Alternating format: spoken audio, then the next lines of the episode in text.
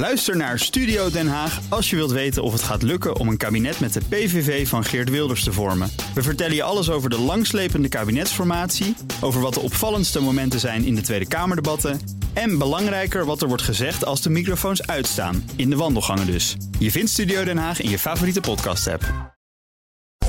Crypto-update. Ja, die komt deze keer niet van de hand van Herbert Blankenstein... maar van Daniel Mol, redacteur bij BNR Cryptocast... ons programma voor bitcoin en andere digitale munten. Daniel, goedemorgen. Goedemorgen Bas en Iwan. Ja, laten we eerst even naar Bitcoin Voetbalclub. Want dit zo, kan je het beste zeggen dat ze dat zijn. Real Bedford FC, dat is een, een, een Engelse club.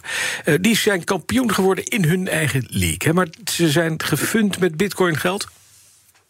Ja, nee, dat ga ik zo uitleggen. Maar eh, het is in ieder geval een groot feest in, uh, in het stadje Bedford. Dan hebben we het over een plaatsje dat even groot is als uh, Helmond of Hilversum bijvoorbeeld. Uh, die club heeft een bijzonder verhaal inderdaad. Real Bedford is in handen van de Bitcoin-podcaster Peter McCormack. En die kocht het nogal armoedige voetbalclubje Bedford, zoals het toen heette, voor een schijntje. sindsdien probeert hij er een serieuze voetbalclub van te maken. Met goede spelers en grote crypto-sponsoren.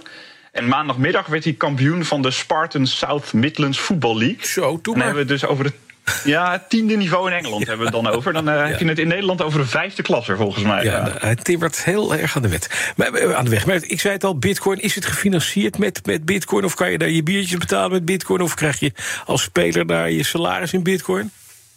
Ja, het is een beetje een, een, een gemixt, gemixt gedoe.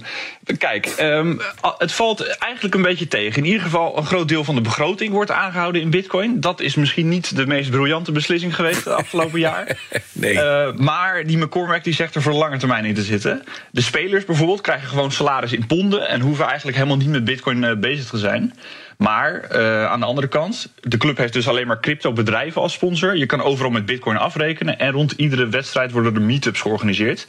En de club moet echt een uithangbord gaan worden. Ja, oké. Okay. Dus met Bitcoin hebben ze niet zoveel van doen. Behalve het feit dat die Bitcoin-podcaster, uh, meneer McCormack, iets heeft met, met Bitcoins. Ja, het is echt een reclame ding. Ja, precies. En hij wil ook de allergrootste club in Engeland worden. Moet hij nog even vijf leagues door. Wat zeg ik, tien leagues door? Dat is nogal wat, hè? Ja, ja, nee, aan ambitie geen gebrek eh, bij die McCormack hoor. De, momenteel voetballen ze dus op het tiende niveau. Dus als alles goed gaat, zitten ze over een jaar of negen in de Premier League met, uh, met de grote jongens. Nou. Maar joh, uh, zo makkelijk gaat dat niet. En dat gaat ook echt niet zo ver komen, want dat kost veel meer geld dan er nu voorhanden is. Hm. En ik zou het heel knap vinden als zij een professioneel niveau halen. Dus dat is volgens mij de vijfde, het vijfde niveau dan. Ja. Maar die Pieter McCormack is echt wel ambitieus. Uh, Herbert Blankenstein, die er dus nu niet is. En ik hebben hem een half jaar geleden gesproken voor CryptoCast nummer 245. Dat was natuurlijk uh, in English. En dat was best een leuk gesprek, waarin hij vooral uh, liet merken dat dit een, zijn fulltime baan is en echt zijn passie. Mm. Nou, mooi. De New York Times heeft een pittig artikel geschreven over de gevolgen van bitcoin mining in Texas. Ja, dat was uh, niet mals in ieder geval. Uh, de krant beschrijft de situatie tijdens de sneeuwstorm Uri op 14 februari 2021. En bitcoin miners kregen daar geld terug van de netbeheerder... omdat zij conform afspraak hun machines uh, uitschakelden. Die stroom was namelijk elders harder nodig. Hm. En dat klinkt allemaal nogal cru als je bedenkt dat er tijdens die nacht 40 mensen overleden... en dus bitcoin miners gewoon een beetje geld verdienen met niks doen... Um, maar het commentaar uh, van de New York Times klopt natuurlijk in de basis wel. Bitcoin mining kost gewoon heel veel stroom. Ja. En waar die vandaan komt, maakt dan ook niet zoveel uit. Nee, maar ja, dit, dit, als je daar naar, misschien naar 40 overledenen kan, kan wijzen... de reacties van Bitcoin-fans zullen niet mal zijn?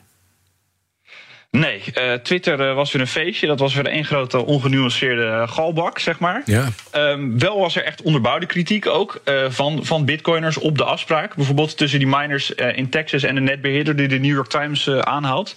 De staat Texas heeft namelijk die miners bewust aangetrokken om zo gebruik te kunnen maken van de, van de overschotten in energie die ze daar soms hebben. Mm -hmm. En mochten steden en dorpen dan juist meer energie nodig hebben, bijvoorbeeld tijdens zo'n sneeuwstorm, dan kunnen bitcoin miners hun apparatuur juist makkelijk afschakelen. Ja, ja. ja, ja. Dat wordt vaak als argument gebruikt waarom mining juist wel nuttig is op sommige plekken. Ja. En uh, bijvoorbeeld die miners in Texas zouden ook veel groene energie gebruiken, maar dat stond helemaal niet in het artikel. Nee, nee maar dat is toch ook energiegebruik. Oké.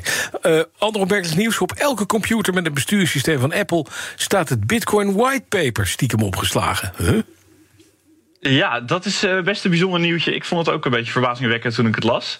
Het gaat in ieder geval om iedere computer die een macOS-versie draait vanaf 2018. En die whitepaper die werd ontdekt door een blogger die zijn printer aan het fixen was. Uh, toen hij aan de slag ging met die Virtual Scanner app die je op de Mac hebt, ontdekte hij het bestandje simpledoc.pdf. En dat bleek dus de Bitcoin whitepaper te zijn. Nou ja, allerlei andere Apple-gebruikers gingen natuurlijk ook direct op onderzoek. En die konden het ook vinden. Dus waarschijnlijk staat hij ook gewoon op jullie MacBook. Ja, dat zit er dik in, ja. Dat is voer voor allerlei uh, maffe complotkoningen weer, hè, neem ik aan. Ja, het, we hebben het hier over de cryptowereld, was. Dat is uh, sowieso niet zo uh, niet ongewoon. Nee. Uh, de, de, meest bijzondere die ik heb gevonden is dat Steve Jobs, dat is de oprichter van Apple, dat weten we allemaal, dan ook wel Satoshi Nakamoto moest zijn. Oh, en dat natuurlijk. is dan de oprichter, de, de bedenker van Bitcoin. Ja, dit, nou wordt alles duidelijk. Precies, alles valt op zijn plek. Nou ja, ik, uh, behoorlijk onwaarschijnlijk, zou ik willen zeggen. Mm -hmm. uh, een andere interessante is dat bijvoorbeeld een Apple-ontwikkelaar is geweest... die deze whitepaper heeft willen uh, vereeuwigen in macOS. Nou, er, er, is veel discussie over die whitepaper. Er worden allerlei rechtszaken over gevoerd. Wie dat dan geschreven heeft. En er zijn ook mensen die die whitepaper het liefst offline willen halen. Nou, vind ik ook uh, niet echt plausibel. Ik denk dat de realiteit gewoon neerkomt op uh, een stuk minder spannend verhaal. Misschien moest er gewoon een klein PDF-bestandje mee als test voor die Virtual Scanner app. Ja. En het werd dan toevallig de Bitcoin whitepaper. Ja, geen idee.